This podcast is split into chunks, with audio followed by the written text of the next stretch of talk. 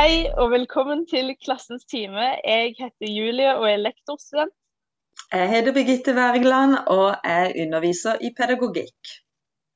Og i dag skal vi snakke om et veldig viktig tema, og det er taushetsplikt. Ja, og Taushetsplikt det var noe som kom opp i undervisninga her om dagen. Det var masse spørsmål rundt det, og jeg klarte rett og slett ikke å svare på alle spørsmål. Så Derfor så har vi fått med oss Dag Joar, og så har vi fått med oss en ekspert, Hilde Pettersen, som jobber som jurist.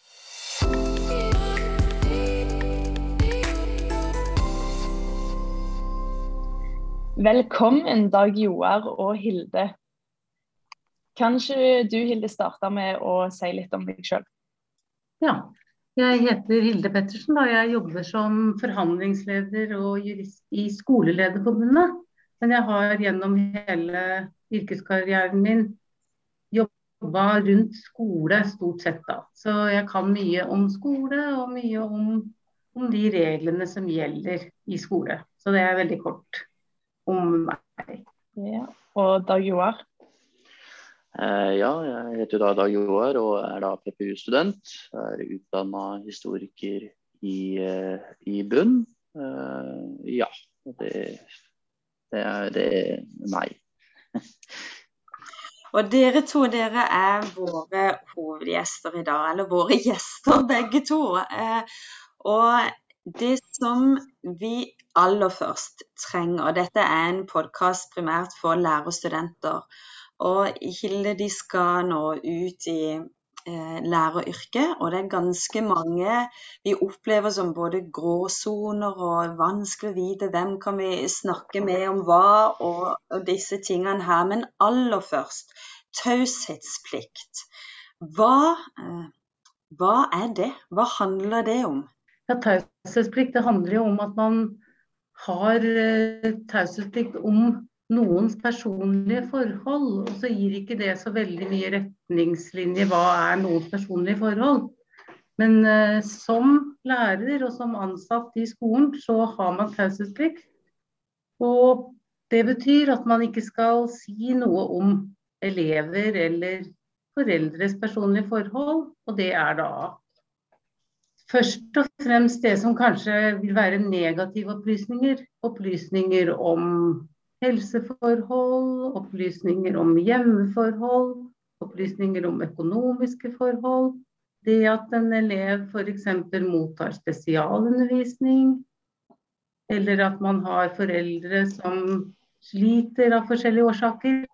Alle denne type ting som det er vanlig at man ønsker å holde for seg selv det er personlige forhold. Og det har man taushetsplikt om som ansatt i skolen. Og så er det jo bare å stille spørsmål for å utdype akkurat det. Det er kanskje litt vanskelig å få tak på for noen. Mm. Ja, jeg kan jo begynne, da.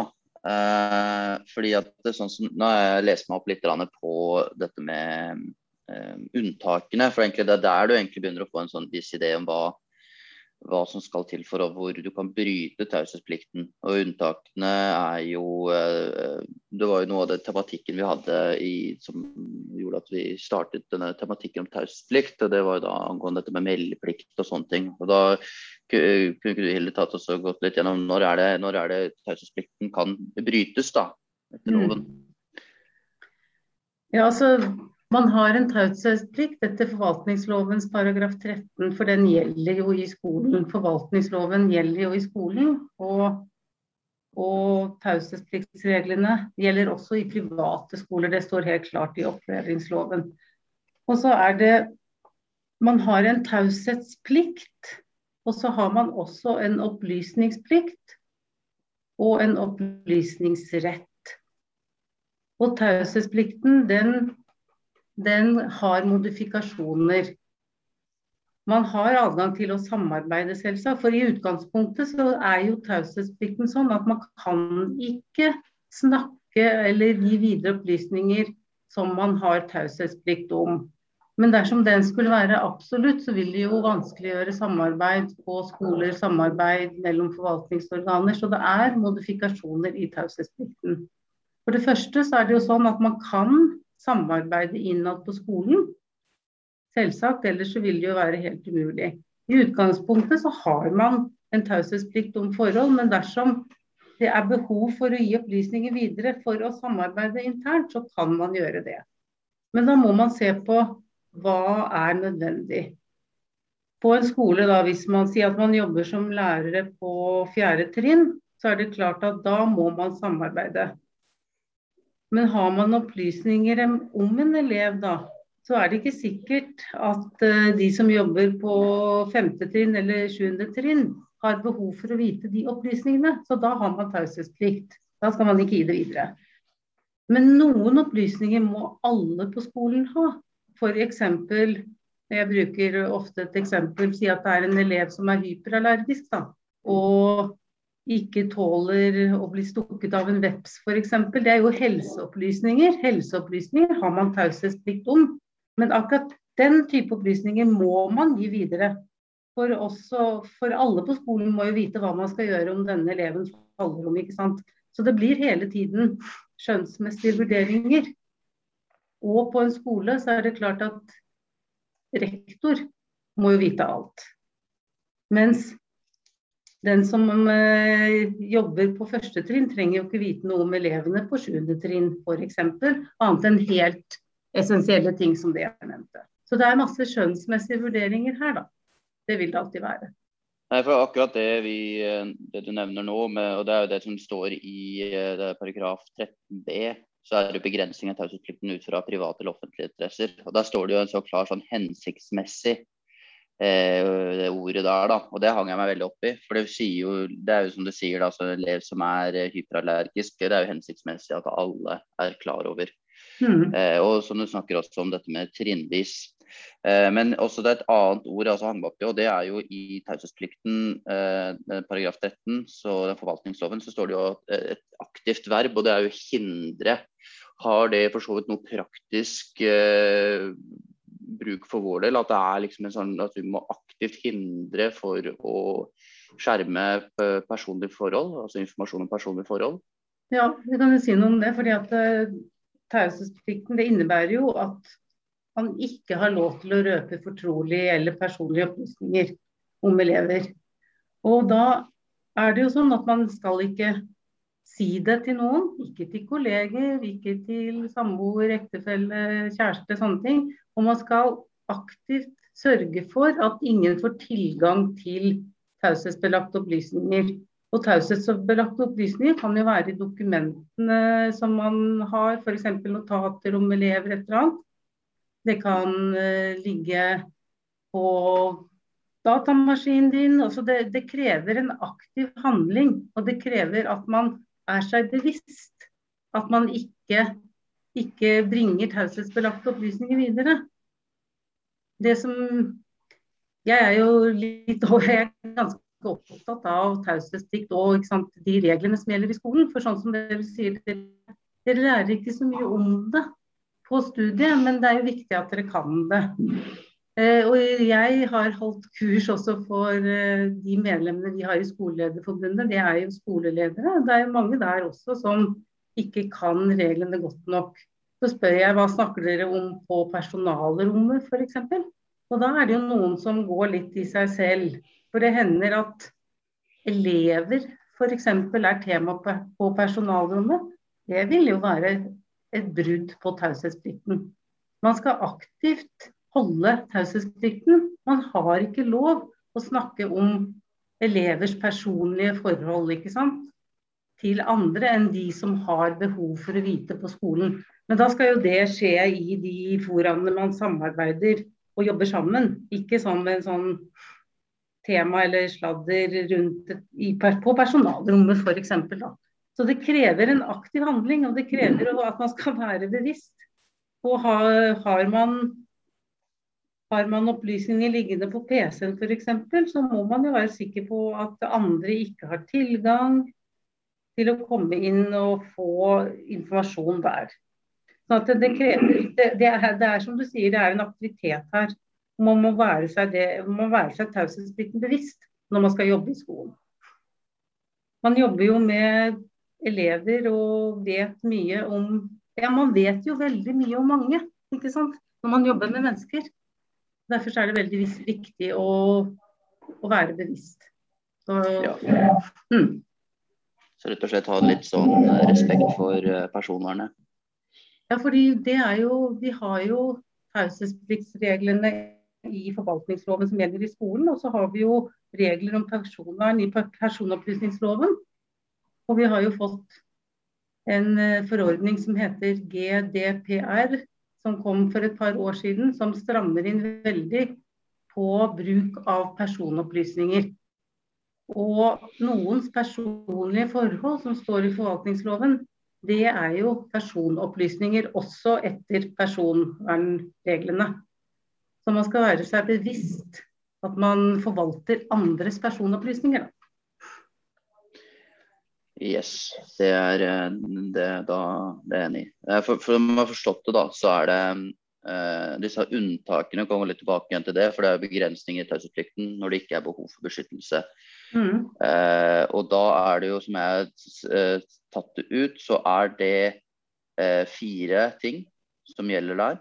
Og da er det, det er samtykke. Så når du har da fått snakke, du har fått samtykke fra eleven og sier at her kan jeg gå videre med dette her. Eh, du har Mhm. anonymisering, hvor, du, hvor elevens, altså eleven kan ikke bli identifisert. Eh, du har Mhm. jungeltrommer. Eh, et eksempel her var en, noe jeg leste om, var at en hendelse med slåssing mellom to elever eh, mot altså Det er da hendelsen, selve hendelsen med slåssingen mot reaksjonen av utvisning til skolen. Så Da, det, da er det to forskjellige forhold, og det er jo da slåsskampen i seg selv og hvilken elever det var. Også, og da det at du får Mm. informasjon at det nå er elevene utvist fra skolen. Eh, og da var det med, med jungeltrommer Du så er det tenker på at er det- at det er opplysninger som, opplysninger som alle vet noe om allikevel. Ikke sant? Da Ja. gjelder taushetsplikten ikke. For da vet, da vet man det jo. Mm. Um, og så er det Den siste er jo da som du sier intern kommunikasjon mellom kollegaer. Jeg leste jo den eh, artikkelen du hadde, og da du, du er jo veldig på dette at det, det åpnes opp for veldig mye mulighet for samarbeid. Eh, Det, det var vel den du eh, hadde skrevet, var det ikke det? Jo, det stemmer. Mm. Mm. Så det er de fire, da. Så har du samtykke, anonymisering, eh, sånne ordtrommer eller ryktebørs, og, og intern kommunikasjon mellom kollegaer. Um, ja. Ja. Så kan jeg bare gå gjennom at det viktigste modifikasjonen i taushetspliktsbestemmelsene er jo samtykke. Fordi at hvis den som taushetspliktsreglene skal beskytte, samtykker i at opplysningene gis videre, så, så er det jo adgang til det. Men det er jo viktig at dette er et informert samtykke, et opplyst samtykke. Og at, så er spørsmålet hvem kan samtykke på vegne av barn f.eks. Kan barnet selv samtykke, eller må foreldre samtykke? Så det er forskjellige mye rundt samtykke også. Og så er det det at opplysningene er allment kjent. Det holder ikke på en måte at det bare er jungeltrommer. Det må liksom være allment kjent. Sånn som den, eh, det eksempelet du nevnte. Det er en sak fra Sivilombudsmannen også. Det var, det var en hendelse på en skole hvor en elev ble utvist. Og så informerte rektor altså Det ble informert om det til alle foreldrene også. Og da mente mente foreldrene til barnet som ble utvist at det var brudd på taushetsplikt. Og da sier Sivilombudsmannen at det er ikke det, for dette var allment kjent. ikke sant? Og så er det jo også det å kunne gi, det å kunne gi opplysninger videre fra skole til andre forvaltningsorganer. Og da er det viktig, viktig å huske på at den modifikasjonen der sier veldig klart at dersom man skal gi opplysninger videre, så må det være fordi det fremmer avgiverorganets interesser. Altså I skolesammenheng så må det fremme skolens interesser. Skolens oppgaver. Og skolens oppgave er jo å gi elever opplæring. Sånn at skal man gi opplysninger videre, så må det være fordi det hjelper skolen å, å gi eleven opplæring. Ikke fordi man skal gi opplysninger videre til et forvaltningsorgan fordi de andre forvaltningsorganene trenger opplysningene. F.eks. en utlendingssak, da. Som Det var jo veldig oppe for noen år siden at eh, barn som ikke har oppholdstillatelse, har jo også rett til opplæring etter opplæringsloven. Og så var det en skole som spurte vi, altså skal vi melde til utlendingsmyndighetene at vi har en elev her hvor foreldrene ikke har har ikke oppholdstillatelse i Norge. Skal vi melde det videre til utlendingsmyndighetene? Og da er svaret nei, for det fremmer jo ikke skolens oppgaver. For skolens oppgave er jo å gi elev opplæring, og eleven hadde rett på opplæring. Skolens oppgave er jo ikke å sørge for at utlendingsmyndighetene skal få gjort sin, sin jobb. Sånn at eh, man må vurdere hva er det skolen skal gjøre, hva er skolens oppgave. Og da kan man vurdere å fremme, altså gi opplysninger videre. Og så kommer det nå en, det er foreslått en ny bestemmelse i opplæringsloven som sier noe om bruk av personopplysninger. Da, fordi vi har personopplysningsloven. Og det, det er litt lovtomt hvordan skolen skal forholde seg til, til de bestemmelsene. sånn at Det er fremma forslag om en ny bestemmelse i opplæringsloven som også sier noe om å gi opplysninger videre. da, Personopplysninger. Det blir en ny paragraf 15-10 i opplæringsloven. Og Da sier man at man kan gi personopplysninger videre når det er nødvendig for skolen. Og så kommer man til å gi en forskrift om hva man mener er nødvendig. Så det blir litt mer eh, regel, regler rundt, rundt dette, da. Så det kanskje blir lettere å forholde seg til. Ja. Det, det, det er mye og mye å forholde seg til. Um, vi snakker om, forholde seg til. Ja, eller, eller, når vi begynner å gå inn i det, så ser man at det, det er jo eh, at det er iallfall er nyanser her som er viktig å, å, ha med seg videre da, i virket som lærer. Um, forskjellen på opplysningsplikt og opplysningsrett. fordi Opplysningsplikt det er jo da til barnevernet. Mm. Og da har du jo f.eks. at dette her med at du eh, altså da Jeg har det jo foran meg, så jeg kan jo egentlig bare ta det kjapt. ikke sant? Når du har grunn til å tro at barn blir, eh, eh blir eller vil bli mishandlet. Mm. Eh, altså omsorgssvikt. Eh, når et at barn har en livstruende eller en alvorlig sykdom som ikke da får den hjelpen de trenger. Eh, det er da viser alvorlige atferdsvansker i form av alvorlig eller gjentatt kriminalitet, misbruk av rusmidler eller annen altså utprega normlaus atferd. står på her. Mm. Og når det er grunn til å tro at et barn vil bli utnytta til menneskehandel. Mm. Um, og, og, og, det er sånn det kan jeg kjapt si, liksom bare så nevne det, at taushetsplikten er ikke til hinder for at en bekymring for et barn kan diskuteres anonymt med barnevernet. Eh, altså Da anonymiserer du. så du, bare sånn, sånn som jeg skjønte, så går det an å ringe inn til barnevernet og høre med dem. Du, nå har jeg den saken her, men så lenge du ikke mm. nevner barnet, så kan du jo få råd da, til det. Ja, riktig. Men da, hva, hva er da altså opplysningsretten var det dette vi akkurat snakket om i stad. Eh, mm. eh, ja, så, så det er da til mellom eh, forvaltningsorganene i, i eh, opplysningsretten. Mm.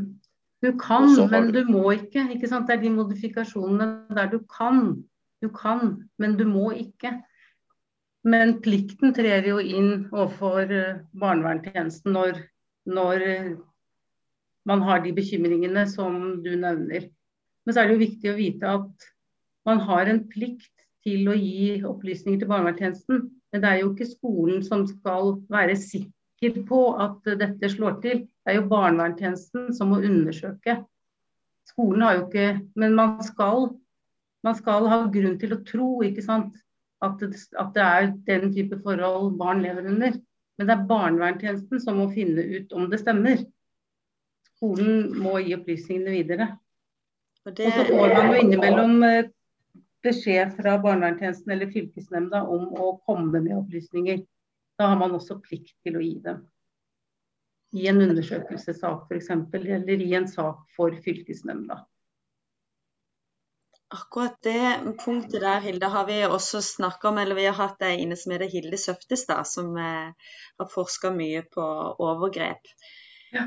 Eh, og dette her med Hun er jo veldig opptatt av at vi må gjøre noe. Er vi bekymra, så må vi gjøre noe, melde ifra. ikke sant? Eh, og at det er Mm. ikke vår eller lærerens plikt å finne ut av om de faktiske hendelsene eller hva som skjer. Men så fikk vi opp en diskusjon da i eh, klassen i PED-timen i forhold til For dette, hvis en går og begynner, får en litt sånn der Jeg lurer på om det er et eller annet her. Mm. Eh, så er det å kunne spare med noen eller høre om noen av de andre lærerne også har fått en sånn bekymring. Mm. En er, eh, det er et felt som en nok en kjenner på usikkerhet og er redd for å gjøre de gale tingene, ikke sant. Så- men det viktigste ja, er jo egentlig å gjøre noe. Men da er det Kan jeg snakke med en kollega som også har den eleven? Kan jeg snakke med min leder om det? Altså hvem, hvem på skolen, hvem kan jeg spare med i forhold til en sånn bekymring? Ja, Det er klart at akkurat den type bekymringer, og særlig kanskje når man er ny og ikke så erfaren, så må man jo kunne snakke med noen. Og da kanskje med, først og fremst med ledere. Så har man jo gjerne sånne sosialpedagogiske team på skolen. Eller man kan snakke med sosiallærer. Sånn at man ikke sitter med en sånn bekymring alene. Men at da kan man jo snakke med noen om dette. Og så vurdere videre. Hva gjør vi her?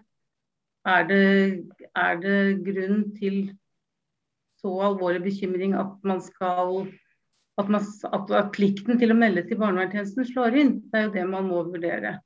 Men til syvende og sist da, så er det den enkelte lærer som har meldeplikt. Så skulle man komme i en situasjon, da, jeg håper jo ikke det skulle skje, men at sosiallærer eller rektor sier at nei, her melder vi ikke. Mens du som lærer er alvorlig bekymra, så er det du som har plikten. Og da må du melde, ikke sant. Men i de fleste, på de fleste skoler så har man jo et system for dette. Mm. Men, eh, men det er den enkelte lærer som det koker ned til, har plikten, da. Hvis Det man blir sittende igjen med en bekymring. Mm. Det betyr at da kan eh, Julie, når hun kommer ut og får en bekymring, så kan hun snakke med sin leder, eller eh, Men må det anonymiseres da, eller er det OK å nevne navn? Nei, da må du jo kunne snakke om eh, navn og nummer og alt, ikke sant. Mm. Der er jo der, der er jo det at man kan samarbeide internt på skolen om, om elever og det som fremmer barnas, barnas eh, rett til en god opplæring og rett til å få hjelp hvis de trenger det. Og skolen er jo de som ser Altså skolen er jo kjempeviktige for barnevernstjenesten også for å få opplysninger. Så her, her er det ikke en taushetsplikt som slår inn når man snakker med de man kan samarbeide om, eller samarbeide med. Men man skal jo ikke snakke med alle på skolen om dette. Det skal man ikke. Og man skal ikke snakke med samboeren sin eller uh, moren sin, eller ikke sant. Det er den man skal kunne samarbeide med, som man snakker med om dette. Før en eventuelt går til en leder, f.eks. Eh, kunne en da det gått til kontaktlærer? Hvis du er en faglærer i ett fag, er det da Mm. naturlig å gå først til kontaktlærer, og så eventuelt til leder? Eller at kontaktlæreren da tar det videre til lederen? Jeg vil jo tenke det, for en kontaktlærer kjenner vel kanskje elevene best. Og Mm. kan eh, støtte deg i en sånn bekymring. Og vet kanskje mer om eleven enn du gjør også. Så det tenker jeg kan være en riktig vei å gå. Ja, og så tenkte jeg litt på det med at det der er jo mange skoler, iallfall sånn jeg opplevde det i praksis, at det er typisk en dag der eh, lærerne har et møte eh, etter, skole, etter skoletid og snakker om eh, hvordan det går Mm. eh, i timene med elever og sånne ting. Er det da greit å si hvordan eleven gjør det i fag karaktermessig, f.eks. For, eksempel, for å eh, kunne på en måte få informasjon fra andre òg om er dette noe som bare skjer i ett fag, eller sliter den- denne personen i alle fag? Eh, Mm. er det lov med tanke på at alle der har taushetsplikt? Eller er det noe du sjøl bare skal ha for deg sjøl, på en måte? Nei, jeg tenker at der, Det må dere jo kunne snakke om og samarbeide om. For det handler jo om den, de elevene dere jobber med sammen. ikke sant? Mm. Så der tenker jeg at dere kan snakke om det du nevner. Men det er å gå utover, utover de du samarbeider med, ikke sant? og snakke til andre som ikke har noe med det å gjøre. på en måte. Men disse har jo noe med det å gjøre. Og så Hilde har jeg studenter, de ønsker å gjøre alt riktig. Det er jo fint og bra. Eh, og så er det bra å tenke om det Tenk om jeg bryter det. Tenk om et eller annet gjør at en faktisk bryter eh, taushetsplikten. Eh, et eller annet. Mm. Og har eh, hva, hva, er, hva, er, det Eller hva hører du om, hva er inntrykket ditt? Hvor er det vi synder henne, på hvilke områder, og hva kan konsekvensene bli? Mm. Nei, altså Jeg tror at noen snakker litt for mye om litt for mye, litt for mye, for å si det sånn. At man snakker litt om elever, snakker litt om foreldre. Sånn at man er seg bevisst at man har en taushetsplikt, og hva det innebærer. Og det er jo det at man ikke skal snakke med noen andre enn de som faktisk har noe med det å gjøre, da, hvis det går an å si det sånn. Og så er det jo sånn da, etter uh, norsk lov at å bryte taushetsplikten, det er faktisk straffbart. Men nå har ikke jeg vært borti Nå har jeg jobba en god del år. Jeg har aldri vært, sett noen straffesak mot noen lærer som har brutt, brutt taushetsplikten. Jeg skal ikke si at det ikke forekommer, men jeg har i hvert fall ikke vært inne i noen sånn sak. Men det kan jo, hvis man har opptrådt veldig uansvarlig, så kan det jo få konsekvenser. Man kan få en irettesettelse, en advarsel, den type ting. At det får en arbeidsrettslig konsekvens. Men det som også er viktig, er jo at det er rektor på skolen som har ansvar for å gi opplæring i taushetsplikten. Det er jo rektor som skal sørge for at de som jobber der, vet hva det innebærer. Men det som vel er saken rundt omkring, er jo at man får en arbeidskontrakt, og så får man en taushetserklæring og så skriver man under den. Og så får man ikke noe særlig mer innhold i hva taushetsplikten innebærer. Men det er leder på skolen som har ansvar for å sørge for at, at de som jobber der, vet det. Og særlig kanskje når man ansetter nye lærere, ansetter assistenter. Ikke sant? Hva vet en ung assistent på 20 år om hva taushetsplikten innebærer, hvis ingen forteller det? Man har jo en viss anelse, men ikke, ikke god nok kunnskap. Så det, det, tror jeg en del skoler kanskje burde skjerpe seg litt på, sånn jeg ser det i hvert fall. Og sørge for å ha en opplæring. Vi har kurs hos oss for våre medlemmer. Utdanningsforbundet har sikkert kurs for lærere osv. Men det er jo til syvende og sist rektor på skolen som har ansvar for at han eller hennes ansatte kan reglene, da. Ja, da kan jeg jo ta et lite eksempel fra, mitt eget liv, eh, som flere ting, egentlig. Det ene er jo å jobbe som SFO-assistent og skoleassistent eh, før jeg flytta hit og begynte på å utdanne meg, og det er nå åtte år siden. Og min erfaring der var jo det at det, det taushetsplikt, det var eh, Jeg tror det ble nevnt Altså liksom sånn, Du har det, eh, men utenom det, så innholdet i, i det og hvordan du skulle jobbe, det, det eksisterte ikke. Mm. og det når jeg tenker over det nå, så det var jo veldig uheldig. fordi det er som du sier, at litt den, der, den bevisstheten, den mangla helt. da, Den litt varig, litt forsiktige bevisstheten rundt dette her. Og det blei ble mye slarving, da, kan du si. Mm. Og det er jo veldig uheldig, da. Mine øyne.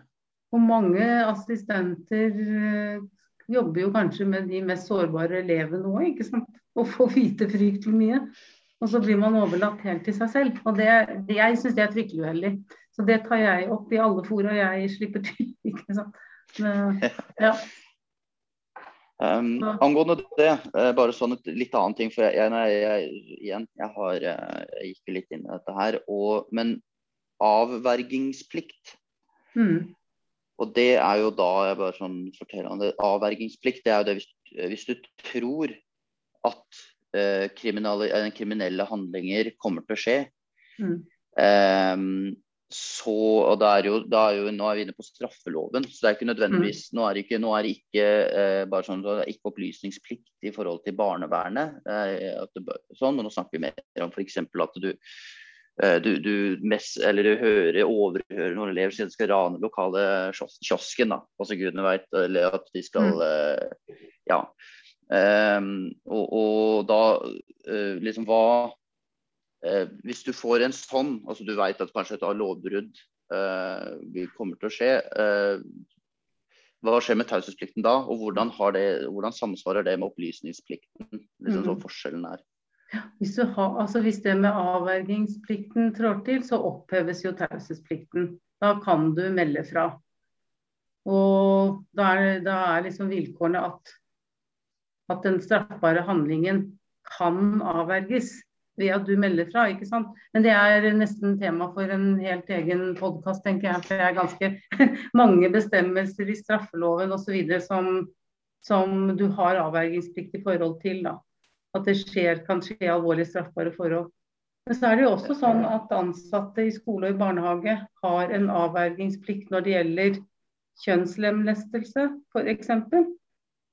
Eh, og hvis man har eh, grunn til å tro at noen skal bli utsatt for altså Da er det snakk om kvinnelig kjønnslemlestelse. Har man en plikt til å avverge? Og da Altså når man har en plikt, så faller jo taushetsplikten bort.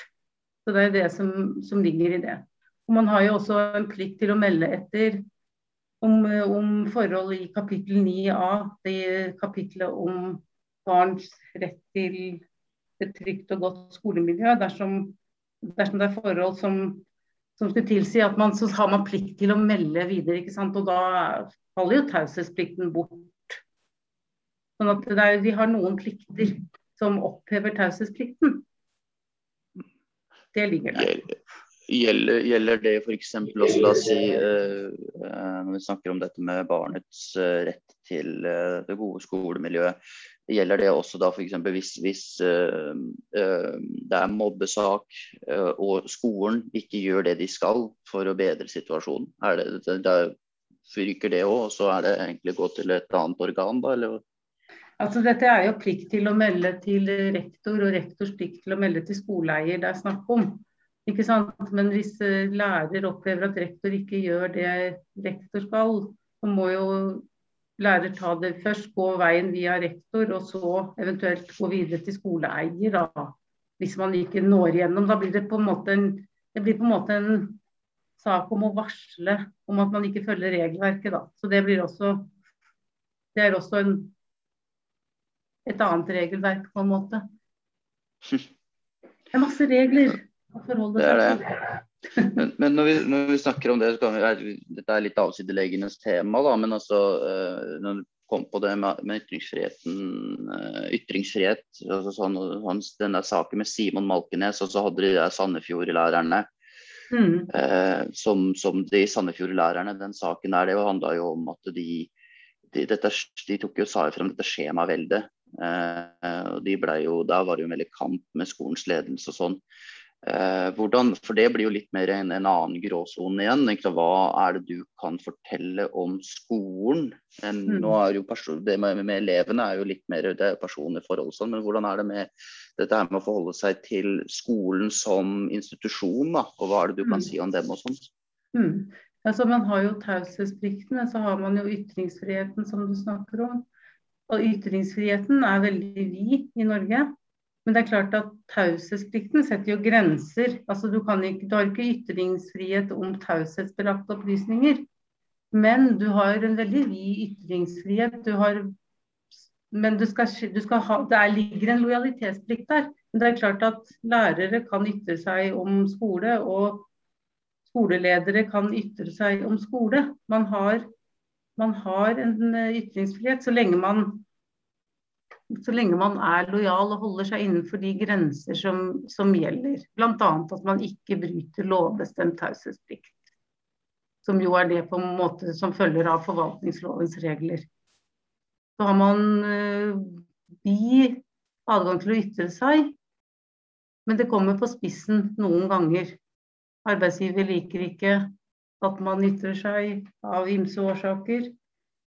Så kommer sånne saker på spissen, og det er jo det det har gjort i Sandefjord og, og denne saken i Oslo Malkenes-saken, som jo er veldig sammensatte, veldig sammensatte saker. Det er det jo ikke tvil om. Og hvor man sitter kanskje litt Man sitter på mange turer og er veldig uenige, mange da. Om akkurat hva, noen ganger om hva som er fakta i sakene også. Men at man har en vid ytringsfrihet i norsk arbeidsliv, det har man. Men ikke hvis sånn, taushetsplikten. Nei. Og sånn som du sier, Hilde, så er det jo mange regler å forholde seg til. Men sånn som jeg så skal ut i læreryrket om noen år, kjenner jo mm. litt på den der tryggheten når du sier at uh, du uansett på en måte har, kan ha et internt samarbeid med ledere. Ja. Og at en, jeg vet at jeg på en måte ikke kommer til å stå alene med noe hvis det er noe jeg er usikker på. Så kan jeg alltid henvende meg til en leder. Det er veldig mm, betryggende. Mm, det kan du. Ja, og jeg tenker liksom at Taushetsplikten er viktig, men det er ikke sånn at taushetsplikten gjør at man ikke kan samarbeide. For reglene åpner for at man kan samarbeide, så lenge man ikke liksom gir opplysninger til noen som absolutt ikke har behov for dem. Og da er det jo samarbeid på skolen, det kan man jo gjøre, ellers ville det jo vært ja, Da ville reglene vært mer en tvangstrøye enn til hjelp. Sånn at det, det åpner for samarbeid. Man skal jo drive skole for at elevene skal lære, og at de skal ha et eh, godt og trygt skolemiljø. Man skal jo ikke sette hinder for hverandre. Så det er viktig å huske. Det var fint å avslutte med det. Eller brenner du veldig inne med noe nå, Dag Joar? jeg vet du har mange spørsmål, men eh, jeg, jeg, kunne prata lenge om det her, men det var en veldig fin avslutning. Jeg syns det var veldig bra. Ja. Jeg er fornøyd. Det er bra. Tusen takk for at uh, du gikk inn i tematikken, Dag Joar, uh, og løfta dette opp. Uh, og tusen takk, Hilde, for at du tok deg tida å svare på spørsmål og være gjest her hos oss. Hjertelig takk.